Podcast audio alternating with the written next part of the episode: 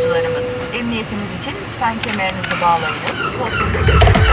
Görmeyi anlamak için karanlığın sesine kulak veriyoruz. Gel abla gel bahçede. Karanlıkta diyalog başlıyor.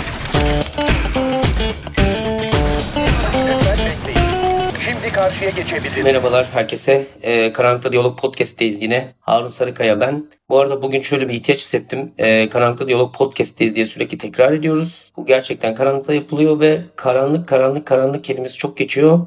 Körlüğün rengi bu değil kesinlikle. Karanlık tamamen ışığı görmüş insanlar için görmeden yaptığımız anlaşılması açısından tekrar ettiğimiz bir kelime. Zaten müzemizde de karanlık tamamen bir metafordur. Bunu da birazdan bugünkü çok özel konuğumla konuşmuş olacağız. Size de duyurmuş olacağız.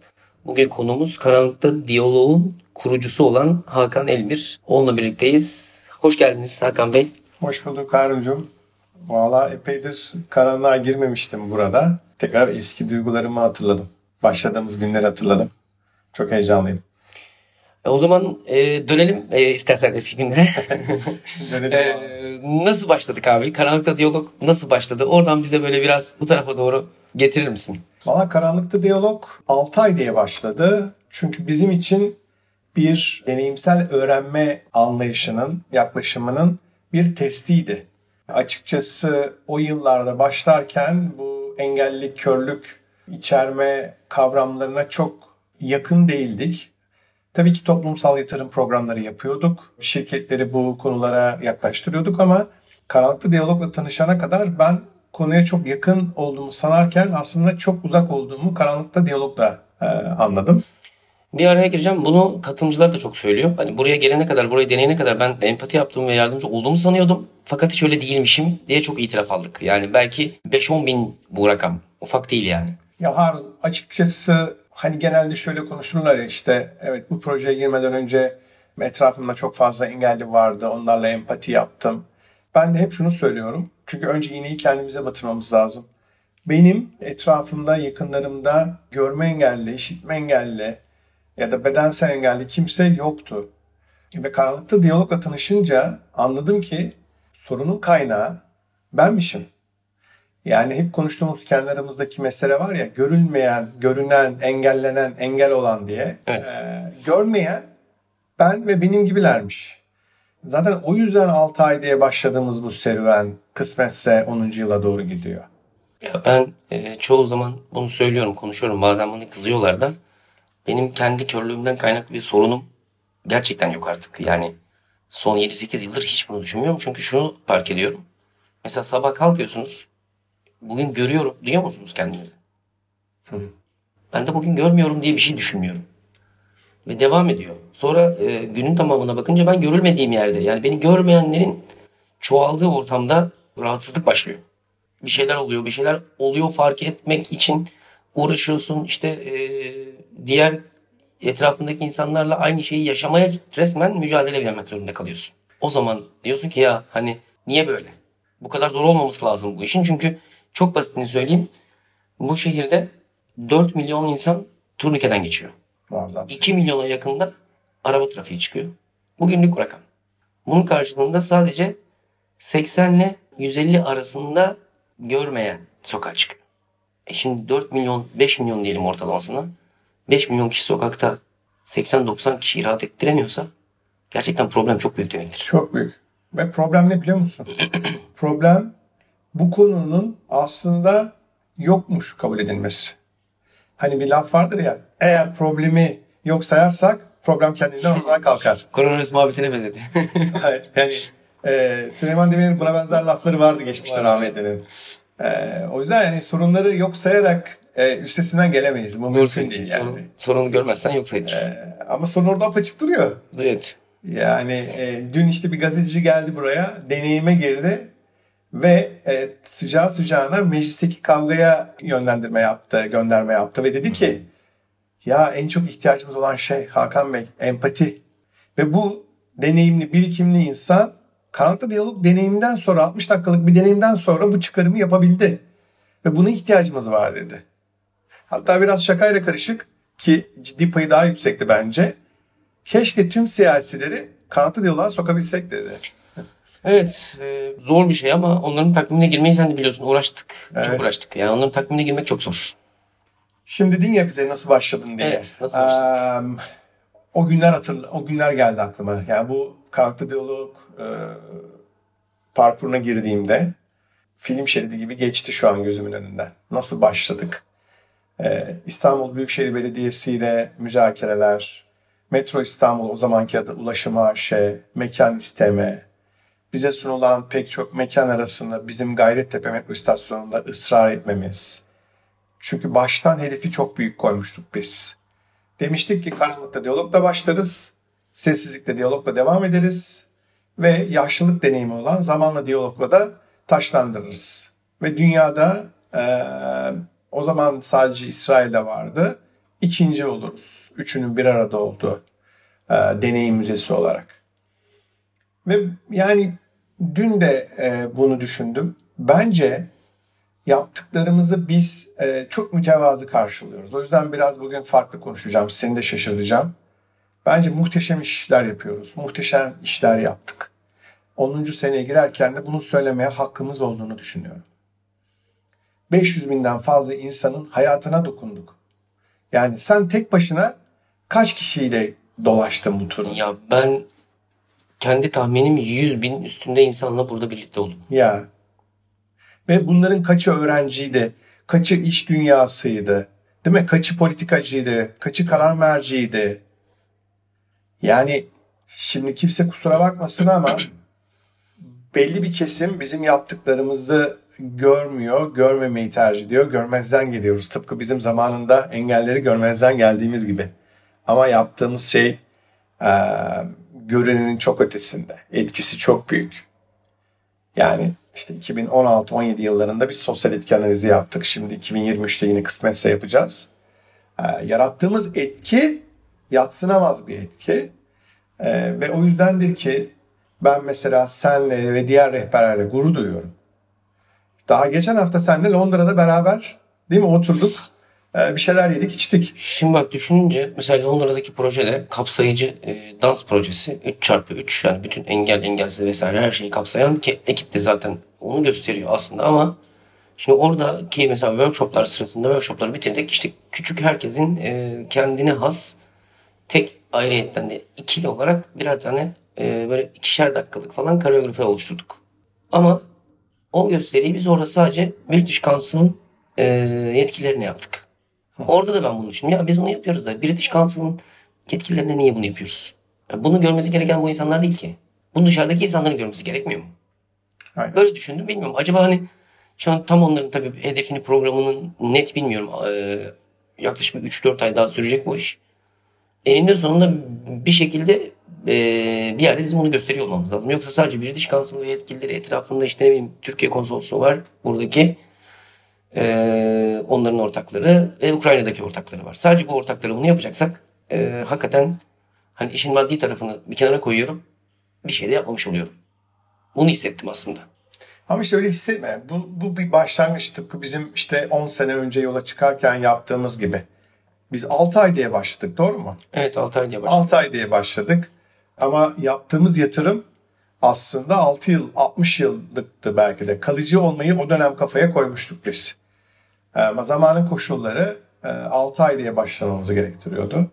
O zaman bize destek veren kurumlar, e, sponsorlar, Büyükşehir Belediyesi yetkilileri, aslında burada anmak istediğimiz e, ve teşekkür etmemiz gereken çok kişi ve kurum var ve kuruluş var. Ama İst- İstanbul Büyükşehir Belediyesi'ne, Ulaşım AŞ ve şimdi yeni adıyla Metro İstanbul AŞ'yi ayrı tutuyorum.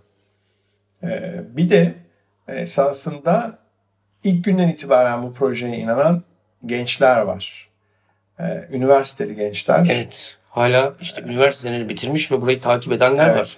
Evet. Yani geçenlerde Ortak İderler Derneği'nin yöneticilerine ben bizim hikayemizi anlatırken şey geldi aklıma. Yani düşünsene Harun 10 sene önce bizi ziyarete gelen diyelim ki 12 yaşındaki birisi şu an 22 yaşında. Ben sana küçük gireyim araya. Ee, beni işte geçen yılki e, Almanya turnesindeki e, benim oraya gitmeme sebep olan kız lise sonunda buraya geliyor benimle tanışıyor. Üniversiteyi bitirince bana bu projeye getiriyor. Ya Yani iki dönem var arada bak. Orta lise bitiyor. Üniversite bitiyor. Kız mezun oluyor.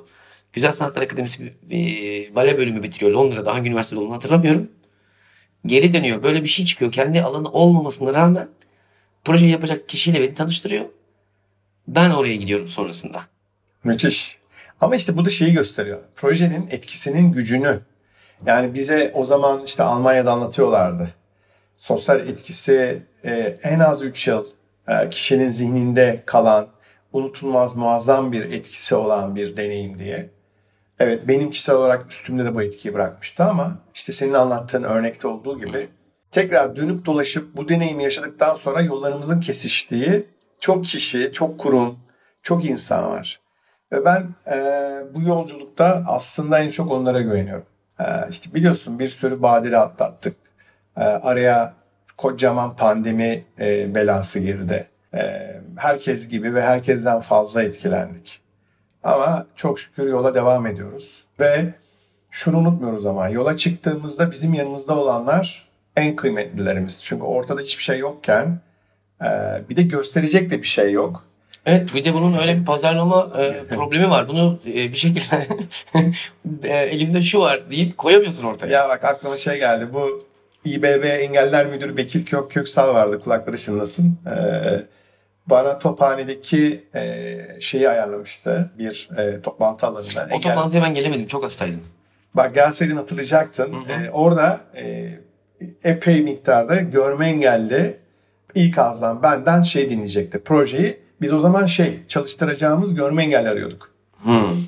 Ee, ve ilk kez Engeller Müdürlüğü vasıtasıyla yani hani yanlış olmasın ama bir 50'ye yakın görme engelli ve aileleriyle buluştum ben o gün. Ama işte absürt hikaye şu. Ben alışkanlık gereği bilgisayarımla gittim. Tamam mı? Sunumum var PowerPoint. Tam bilgisayarı kapağı açtım. İşte kumandayla tam başlayacağım. Salona şöyle bir baktım. Dedim ne yapıyorum ben? yani ne yapıyorum ben?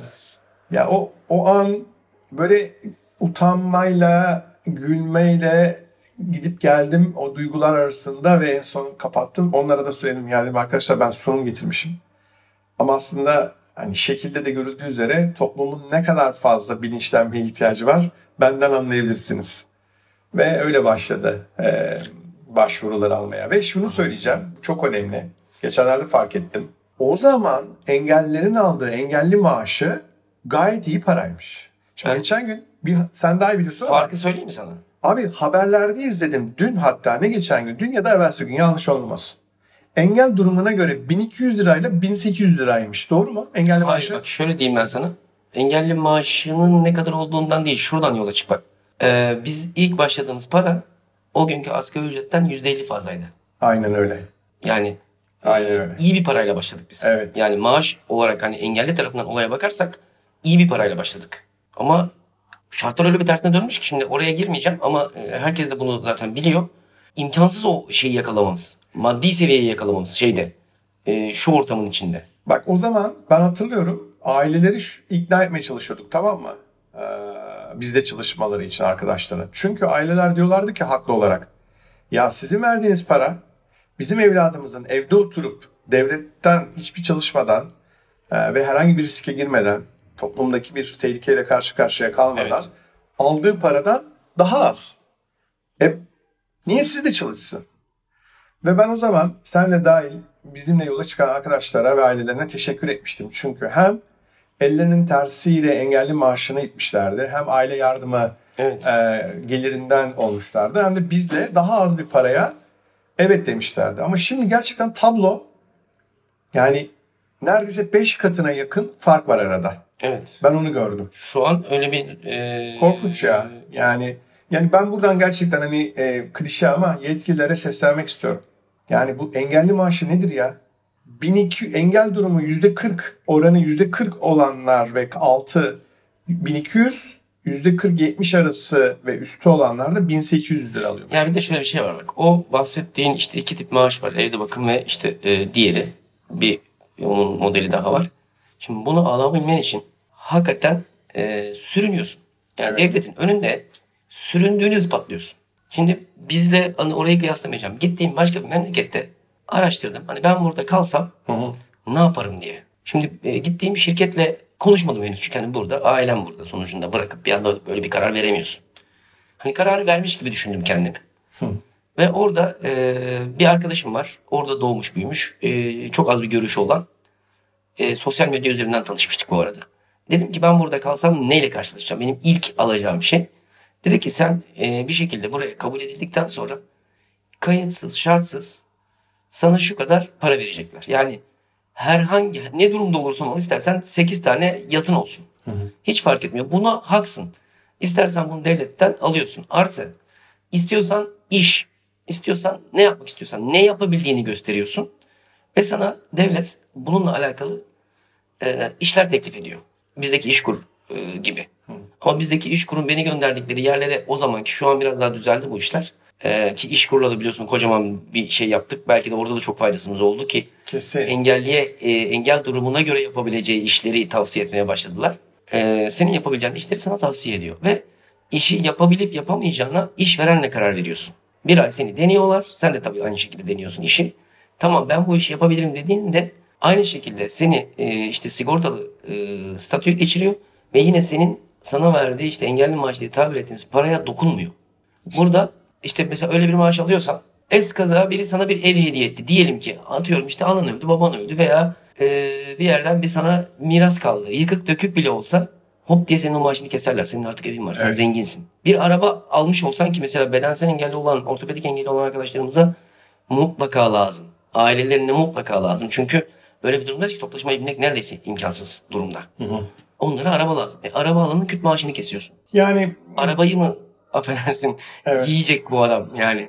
Anlatabildim mi? Ya bunların bu dertten hiçbiriyle uğraşmadan devam ediyorsun. Yani senin bir şekilde de eee, hani sana parayı verirken senin o psikolojik halini de bozmadan, rencide etmeden, gücendirmeden veriyor. Ya aslında biz senelerce halen öyle sosyal politikaların değişimi noktasında çok çaba harcadık. Yani biz yola çıkarken o zamanki adıyla Aile ve Sosyal Politikalar Bakanlığı bizim paydaşımızdı. Ee, engelliler ve Engelli ve Yaşlı Hizmetleri Genel Müdürlüğü'den iki tane o zaman e, yönetici bizim danışma kurulumuzdaydı. E, ve ilk ağızdan aslında e, bu eleştirileri, şikayetleri, eksiklikleri, aksaklıkları gördüler. Bir kısmı düzeldi, bir kısmı düzelmedi ama ben şunu fark ediyorum. 10 yıl içerisinde geriye dönüp analiz yaptığımda belli şeylerin çok zaman aldığını fark ediyorum. İşte örnek vereyim. Biz ilk günden itibaren milli eğitimle işbirliği yapmak istedik. Hatta çok daha ben e, hani ütopik düşündüm. Ankara'ya gittim bakanlığa, Talim ve Terbiye Genel Müdürlüğü'ne. Dedim ki bu projeyi müfredata dahil edelim. Oradaki yetkililer çok iyi niyetli karşıladılar bu yaklaşımımı.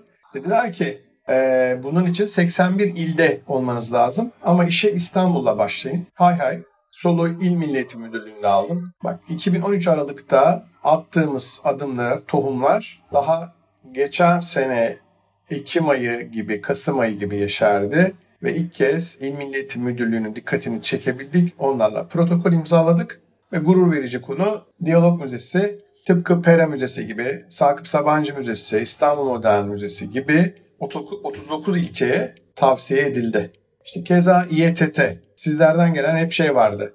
Ee, Eleştiri, şikayet, metrobüs sürücülerinin belli aralıklarla eğitilmesi gerektiğine dair. Ee, Buna kayıtsız kalmadı İETT yönetimi. Evet YTT'ye çok büyük bir teşekkür aslında gerekiyor. Etmemiz Gerçekten e, ilgi gösteriyorlar. E, şoförler de hakikaten ilgililer. Aynen. Ee, bir arada arkada duyduğunuz sesler şu anda karanlıkta diyaloğu ziyaret eden öğrencilerin sesleri. Ee, bu da e, hani milli eğitimden bahsettik ya. Bu arkada yine e, milli eğitimin tavsiyesi olduk artık. Geldiğimiz nokta bu. Milli eğitim okulları tavsiye ediyor ve okullar buraya e, öğrencilerine peyderpey e, gönderiyorlar. Biz de onlara aynı şekilde bu farkındalığı e, yaratıyoruz ki işte 8-10 sene içinde bizim yerimize geçecek insanlar bir şekilde onlar olacaklar. Hatta şunu da atlamayalım. Okul müdürleri de e, belli bir program çerçevesinde şu an e, eğitiliyorlar. E, ama yeri gelmişken ilk günden itibaren bireysel olarak bizim deneyimlerimizi keşfeden ve birbirlerine tavsiye eden öğretmenlere de ben teşekkür ediyorum. Evet öğretmenler, Yani. öğrencilerimiz gerçekten bugün işte mesela e, Tuğba Hoca e, beni buradan aldı okula kadar götürdü. E, işte okulun zemin etüdünü diyeyim. Bence zemin etüdü diyorum hani biraz mimarlık bölümüydü iç mimarlıkla ilgili. Okulun ne kadar erişilebilir olduğunu bayağı çalışarak yerinde video çekerek, fotoğraf çekerek e, inceledik. Ki okul iki tane bayrak almış. YÖK okula işte e, ne deniyor ona sosyal ortam ve işte e, okul binası konusunda e, erişilebilir olduğuna dair rapor vermiş. Hangi okul? E, Biryun Üniversitesi. Wow. Ee, gerçekten de şöyle diyebilirim fena değil. Hı. Yani işte e, gerekli yerlere gerçekten rampalarını vesaireni koymuşlar. Asansörlerde hem braille hem normal kabartmalar. Hatta eğer bunun eğitimi e, körler okulunda veriliyor mu tam olarak bilmiyorum. Ben körler okuluna gitmedim. Asansörlerin e, olduğu şeyin yerlerde e, şey var. E, katın haritası var kabartma bir şekilde. Ama hangi işaretin ne anlama geldiğini ben bilemiyordum. O yüzden hani olması güzel. Eğer eğitimi de veriliyorsa e, o okulda e, yaklaşık bir hafta 10 günlük bir asistanlık alarak yani okul binasını biraz da öğrenerek e, personelden rahatlıkla görmeyen bir öğrenci okur. Girişten işte dersliğine kadar, kütüphanesine kadar gittik. Bir iki tekerlekli sandalyeyle ilgili unutulmuş nokta vardı. Bir de bu başvuruları YÖK şey olarak alıyor, online olarak.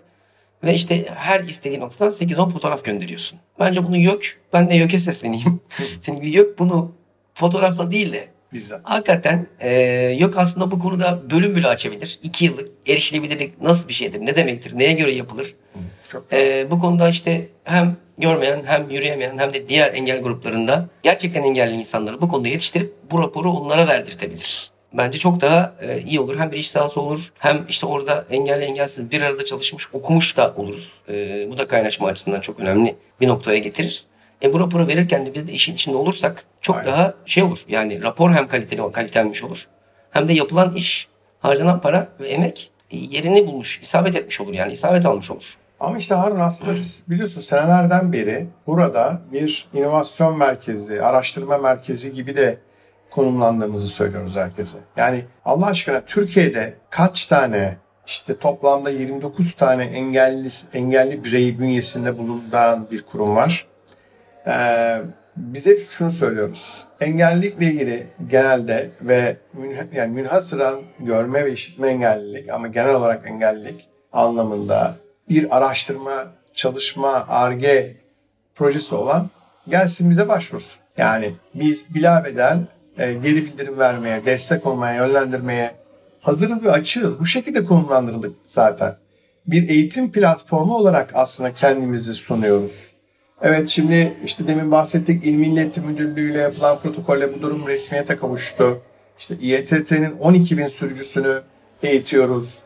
Ama biz daha fazlasını yapmak istiyoruz. Daha fazla insana kucak açıp burada bu eğitimin alacakları eğitimin bir parçası olmalarını istiyoruz. Bu, bu kısım bence çok kıymetli. Ee, hikayemizin akışına baktığımızda o dönem içerisinde kırılma noktaları vardı. Yani 2013 Aralık'ta açıldık. 7 tane marka bize yatırım yaptı. Ee, yatırım için yetmedi. Kendi kişisel kaynaklarımızla biz kalan kısmı tamamladık.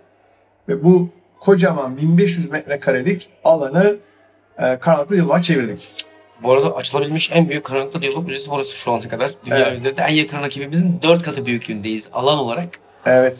Hem de dünyadaki ilk ve tek metro istasyonu içerisindeki e, hani deneyim alanıyız bir de. Öyle bir özelliğimiz de var. Yani kamusal alandayız. O yüzden e, mekanın ortasından insanlar e, metroya, metrobüse koşturup gidip geliyorlar. Bir de şey oldu yani e, böyle kalabalık bir yerde olmamız çevre tarafından tanınıyoruz burada. Yani Evet. Bu civarda işte Gayrettepe'de, Mecidiyeköy'de e, aşağı yukarı zaten her gün aşağı yukarı aynı insanlar buralara gelip gidiyor. Yüzde sekseni aynı insanlar. Burada çalıştıkları için. Hani birisi mesela bize yardım etmeye çalışırken öteki diyor ki ya onlar bulur yolu sen boş ver. sen işine bak o biliyor yolu diyor mesela. Tanınıyoruz da böyle bir şeyimiz oluştu. Bu civarda bir şöhretimiz oluştu. Yani bak bu söylediğin Türkiye için hele çok ekstrem bir şey. Yani Türkiye'de bir kurumun aralıksız 9 yıl orada var olup neredeyse o e, şeyle e, bölgeyle e, anılacak seviyeye gelmesi e, gerçekten çok gurur verici. İşte İstanbul'un herhangi bir yerinde burayla alakası olmayan bir yerinde otobüse biniyorsun. Şey diyor. Hocam siz karanlıkta yolda çalışıyorsunuz değil mi? Bunu şey yapıyorsun artık yani e, gelmişler e, şimdi çoğu da e, ilk andan sonra ilgilenmeye başlıyor durumla. Çünkü ulaşamayacağımız aileler var. Şimdi bir şekilde bilet alıp buraya gelenin içinde bir zaten bir farkındalık var. Evet. Onu e, merak ettiği için geliyor ama hiç umurunda olmadığımız insanlar var. Onları da böyle hani uzaktakilerden e, ulaşıyoruz. Mesela tatile gelmiş oluyor buraya. Bir şekilde denk geliyor. Bir bakıyorsun bir sonraki yaz kiminle geldiyse onu da buraya getiriyor. Bir sonraki yaz öbürünü getiriyor. O öbürünü getiriyor. Yani Türkiye'deki e, belli bir kitlenin de bildiği bir yer haline geldik. Bu şeyden, e, bundan kaynaklı. Hatta hani ben sana daha önce de şimdi bir takım şehirlere gidebiliriz Evet. mi, uğraşalım burada falan Evet. diye. Ama işte araya lanet olsa o şey girince e, bayağı zorladı. Hem ekonomik açıdan hem psikolojik açıdan ikiye böldü resmen hayatımızı. Şimdi bu söylediğin e, hani belli bir kesimin haberi yok ya da bir şekilde konuyla ilgili değil dediğin e, noktada şu güzel haberi de paylaşayım. E, bu e, Müzeler Birliği Excite diye geçen Uluslararası Müzeler Birliği'nin e, Doors e, Kuluçka programına e, 200'e yakın müze arasından e, biz son 20'ye seçildik. E, bu gerçekten gurur verici çünkü e, çok iddialı müzeler vardı. E, ve Türkiye, Uluslararası müzeler bunlar. Evet, evet, mu? Türkiye ve uluslararası. Türkiye dışından yani müzeler. aklına gelebilecek bütün Avrupa Birliği e, kapsamındaki tüm ülkelerden e, çok sıkı rakipler vardı. E, ve biz e, son 20'ye kaldığımızda tek Türk e, müzesi olduğumuzu fark ettik. Başka o son 40'ta başka Türk müzeleri de vardı. E, ama biz son 20'de tek kaldık. Şimdi bu şunun için önemli. Bu Doors Kuluçka programı bizi dijital tarafta e, ziyaretçiyle etkileşime sokabilecek ve işte mesela şimdi biz bu podcast'i yapıyoruz. Evet. Bu podcast e, pek çok podcast yayını var ama bu podcast'in özelliği ne? Zifiri karanlıkta yapıyoruz. E, deneyim alanının içerisindeki bir noktada yapıyoruz. Ve programcısı sensin. Yani oturup bir literatür taraması yaptığımızda eminim ilklerden bir tanesi olduğumuzu göreceğiz. Belki de ilkiz. Ee, hani o, o konularda çok mütevazı olduğumuz için e, her konunun ilki olmak konusunu çok dillendirmiyoruz ama e, bu Doors vasıtasıyla biz aşağı yukarı bugüne kadar gelmiş olan 500 bini e, çarpan etkisiyle milyonlarca insana erişmek istiyoruz. O yüzden de mesela sen de dahil ol- olarak e, bizde çalışmış, halen çalışan arkadaşlardan e, dijital arşiv oluşturacağız. E, ziyaretçilerden her iki deneyimin sonuna koyacağımız platformlardan ziyaretçi geri bildirimleri toplayıp içerik üreteceğiz. Ve gerçekten e, beni şu an söylerken beni heyecanlandırıyor. Diyalog Müzesi'ni Evet, bunu şeye taşıyacağız. Bayağı önce dijital alana taşıyacağız. düşünüp yapamadığımız şeylerden bir tanesi bu gerçekleşirse güzel olur. Çünkü Çok. ilk dönemde böyle bir arşiv bir oluşuyordu hatırlıyorsan. Evet. Sonra o işte e, bir takım sebeplerden dolayı onları yapamaz e, duruma geçtik ama şu an tekrar öyle bir şey oluyorsa çok güzel olur. Ya bak Harun biz bize konuşalım. Karanlıkta kimse de yok. Sponsorluk çok kıymetli. O yüzden de bugüne kadar bize destek vermiş tüm kurumlara gerçekten minnetle anıyorum. Ama bana bu ilişkiler şunu gösterdi. Kendi göbeğini kendin keseceksin. Mutlaka. Tamam mı? Yani teknolojiyle e, e, adı yan yana anılan bir takım kurumlar vardı. Destekçi anlamında, ana Evet. sponsor anlamında. Ama bu benim bahsettiğim şeyi yapamadık. Ama çok şükür ki şimdi sadece bize kısmet olacak.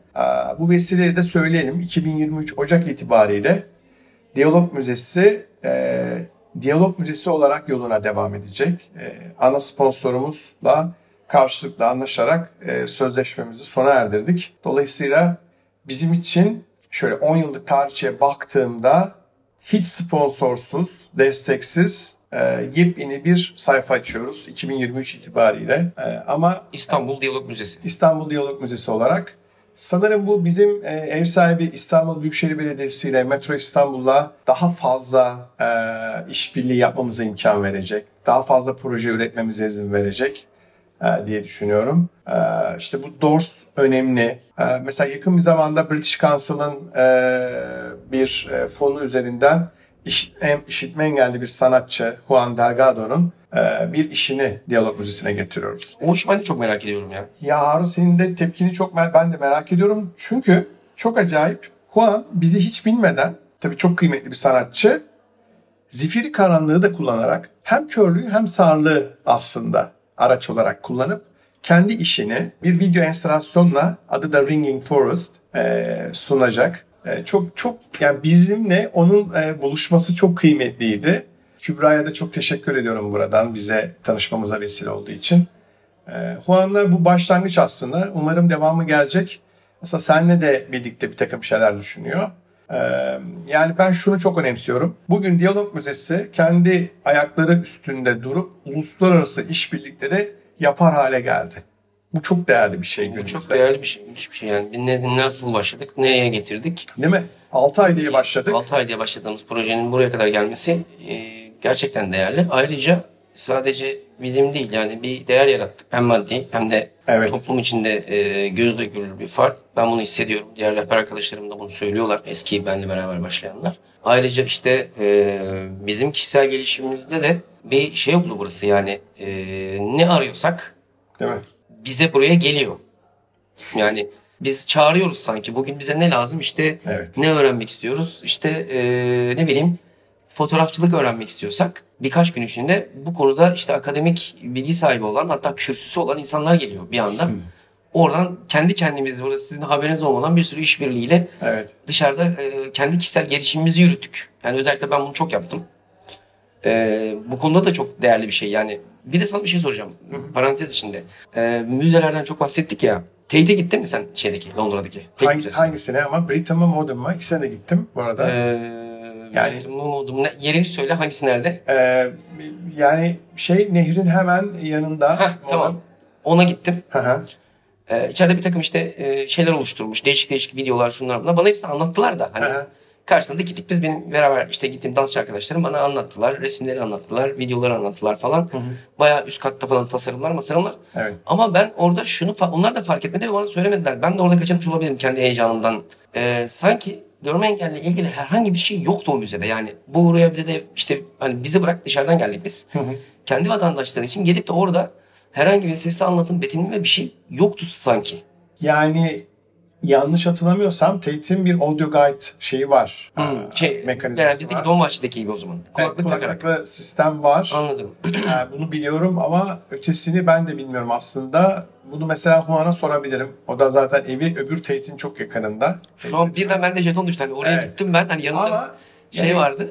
Genel olarak Avrupalı müzelere baktığımızda e, o erişilebilirliğe çok önem veriyorlar. E, Aslında bizdeki müzeler de keza öyle. Pera da mesela benim eski yuvam. Pera Müzesi de erişilebilir Şimdi ben konusunda e, şey şey, hassas. yapacağım bu konuda. Müze haftası geliyor. Evet. E, onunla ilgili bir araştırma devam ediyor. Ben de güzel bir şey hazırlıyorum. Müze haftasındaki eksiğimiz nedir? Şimdi aslında iyi bir noktaya getirdin. Ben tam şunu aslında söylemek istiyordum. Dün de e, o gazeteci hanımefendi bana neden müze diyorsunuz kendinize demişti. Bu vesileyle bizi dinleyen insanlara neden müze olduğumuzu ya da aradaki farkı söyleyeyim. Ee, şimdi takip edenler bileceklerdir. Bu Uluslararası Müzeler Birliği, ICOM diye bir kuruluş var. Ee, belli dönemlerde müze tanımını revize eder. Çok yakın bir zamanda bu sene e, Temmuz, Ağustos ayında pardon e, bizim aslında 2013 Aralık'ta tanımını kendimizin yaptığı ve revize ettiği şekle getirdi müze tanımını. Yani bugün artık müzeler sadece e, koruma, teşhir etme e, ve hani saklama göreviyle e, mükellef kurumlar değil, artık sosyal öğrenme alanları, cazibe merkezleri, hikayelerin anlatıldığı, bu hikayelerin paylaşıldığı, e, ve toplumsal meselelerin tartışıldığı, konuşulduğu e, ve adeta gerçekten birer ikinci öğrenme, ikinci öğrenme alanları olarak konumlandırıldı. Zaten öyle olması gerekiyordu. Dünyadaki müzecilik oraya gidiyordu. Bunun tanımını e, sadece revize etmiş oldu. Şimdi biz Diyalog Müzesi derken neyi kastediyoruz? Bizim bünyemizde aşağı yukarı 29 insanın ayrı hikayesi var. Yani bizim koleksiyonumuz işte Harun da, sen de dahil olmak üzere 29 insan. Hani var ya bu canlı kütüphane, e, Evet, öyle Human bir- Library. Aynı mantık. Yani ziyaretçiler orada e, raftan Harun'u çekip almıyor da Harun'la beraber geziyor. Hem Harun'un hikayesine tanık oluyor ama aynı zamanda o dünyaya tanık oluyor, kendini sorguluyor e, ve kendini keşfediyor. Şimdi bundan daha iyi bir müze, deneyim müzesi olabilir mi? O yüzden zaten biz kendimizi kategori olarak deneyim müzesi olarak konumlandırıyoruz. Burası bir deneyim müzesi. E, alışılagelmiş bir koleksiyonu yok gibi gözükse de koleksiyonu çok canlı, kanlı. Ya koleksiyonun böyle olması bir de hani kendi tarafımdan bakınca çünkü benim devamlı güncellenen bir hayatım var.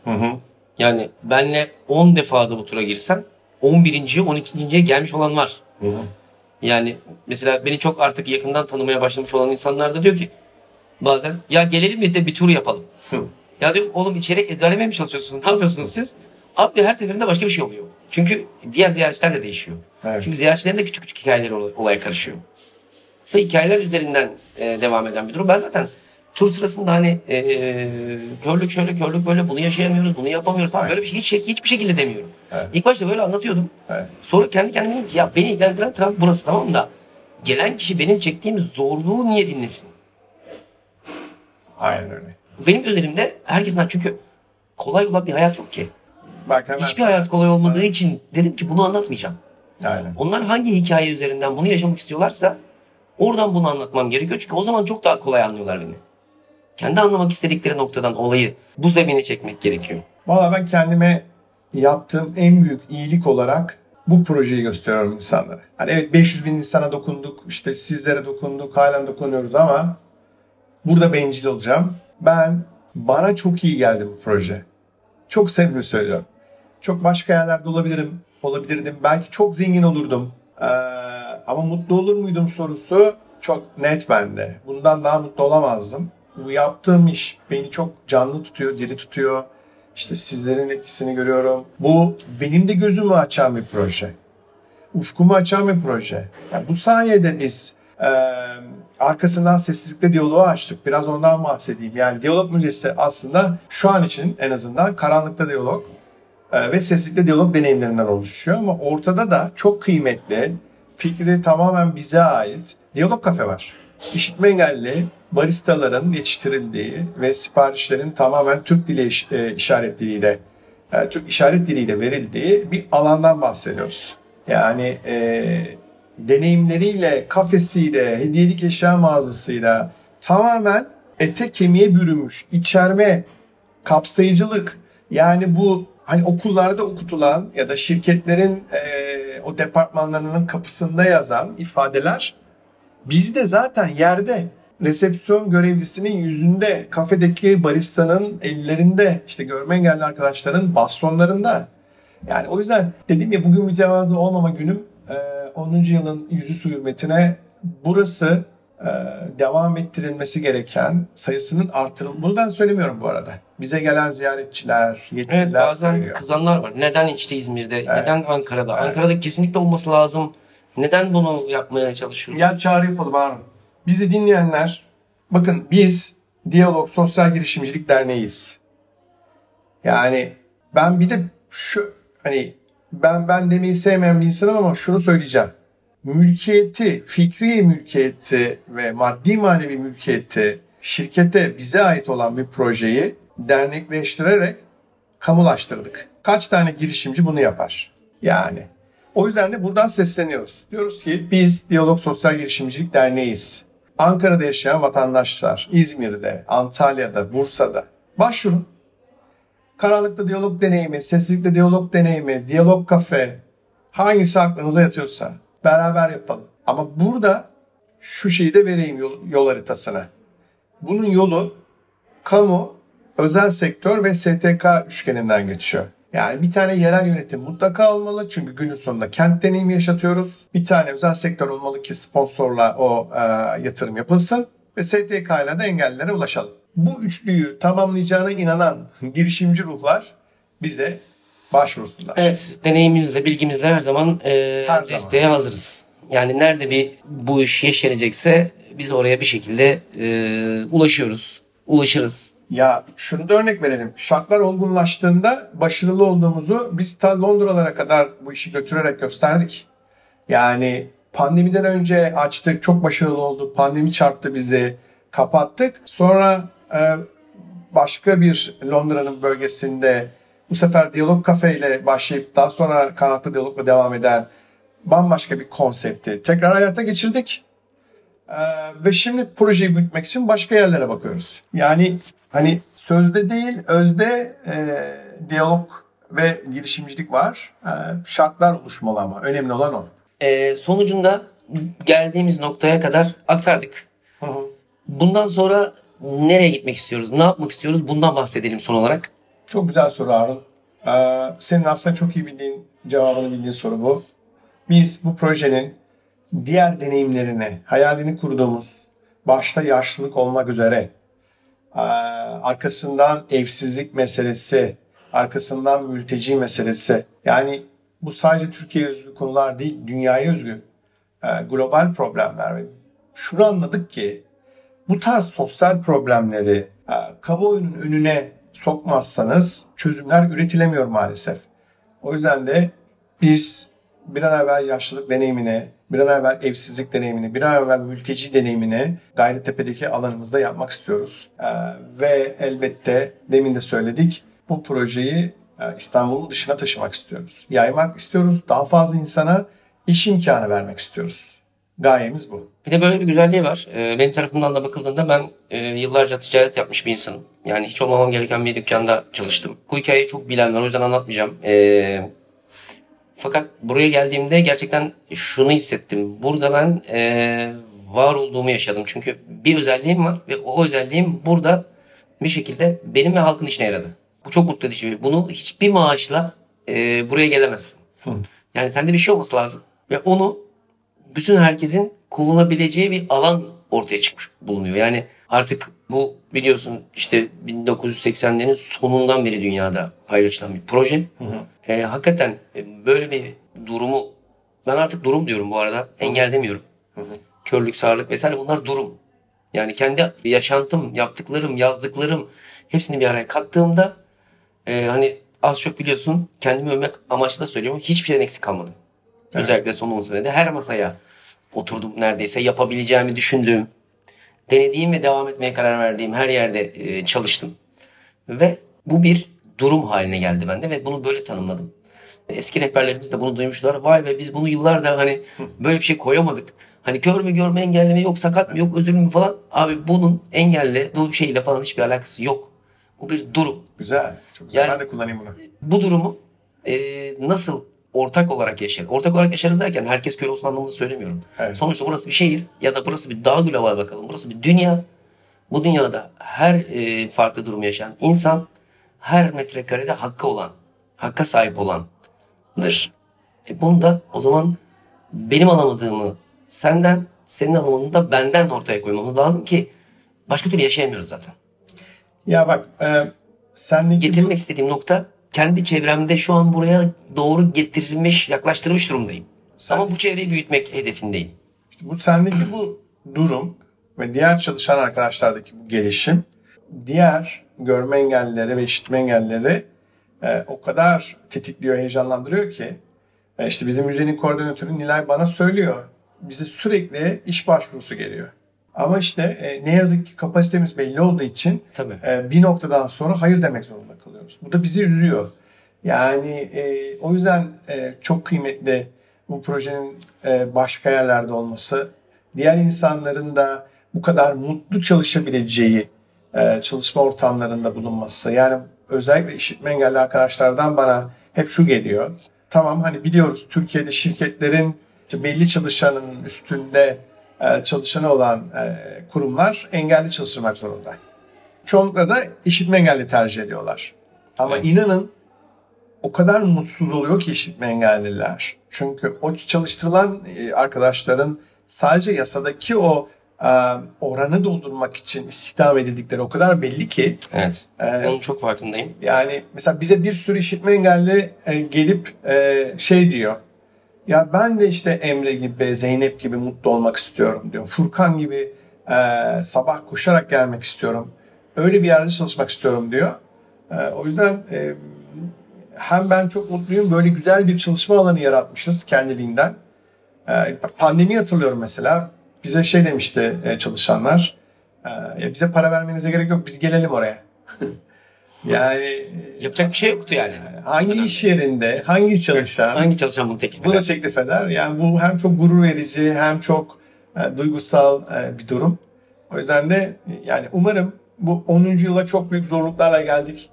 Ama eminim 20. yıl podcast'inde çok başka şeyler anlatırız inşallah. İnşallah. E, şu da olmuş oluyor. Biliyorsun hani bizim şehir dışında yaşayıp işte e, bir takım köylerden yakaladığımız tamamdır Doğru. bu e, gelişime açık bir insan Evet. diye anladığımız ve burayı teklif edip getirdiğimiz insanlar var. Var. E, bu insanların bulunduğu yerlerde buna benzer müzeler ya da işte buna benzer deneyimsel e, mekanlar olsa Evet. orada toprağında e, yetiştiği yerde doğduğu yerde bir şeyden kopmadan bir şeyleri feda etmeden o iş o iş yapacak yani e, işini yapacak daha mutlu olmayacak mı? Daha mutlu olacak aslında. Kökünün olduğu yerde yaptığını düşünsene bu işi. Çok çok doğru. Çok doğru. Yani insan bazen şu oluyor yani e, hani kendi yaşadığın yerde kendi beraber büyüdüğün halka kendini anlatman çok daha kolay oluyor. Tabii. Çünkü gelişmiş ortak bir dil var. Bir takım işte kelimeler, işte hareketler, şunlar bunlar. Onunla bunu anlatıyorsun. Eğer bunu yaymayı başarırsak, bu sözümüz bir yerlere ulaşır, birileri bununla ilgilenir ve birkaç şehire yayarsak ben Eskişehir'den çok umutluyum. Ee, benim göz aralarından bir tanesi orası. Ee, Neden bilmiyorum Eskişehir diye direniyorum. Mutlaka ki orada bu iş başlayacak. Ki bir tane başlasak gelecek Devam diye düşünüyorum. Ben- Gelecek diye düşünüyorum. İnşallah böyle olacak. Ee, eğer söyleyeceğim bir şey yoksa kapatıyorum. Ya söyleyeceğim şey şu. Başta sen olmak üzere bütün çalışanlarımızla iftihar ediyorum, yemin ediyorum. Çok çok çok gurur duyuyorum. İşte mesela pazarları bana e, yazını attığın anda hızlıca, heyecanla başka bir işim yoksa muhakkak ilk yazıyı okuyup mutlaka bir görüş yazıyorum sana. Bu gelişimi görmek, mesela geçenlerde bir sunum hazırlarken eski fotoğrafları arıyordum. Senin e, işte 9-10 yıl önceki halini gördüm bir fotoğrafta. Ee, hem mental hem fiziksel e, gelişimini görüyorum.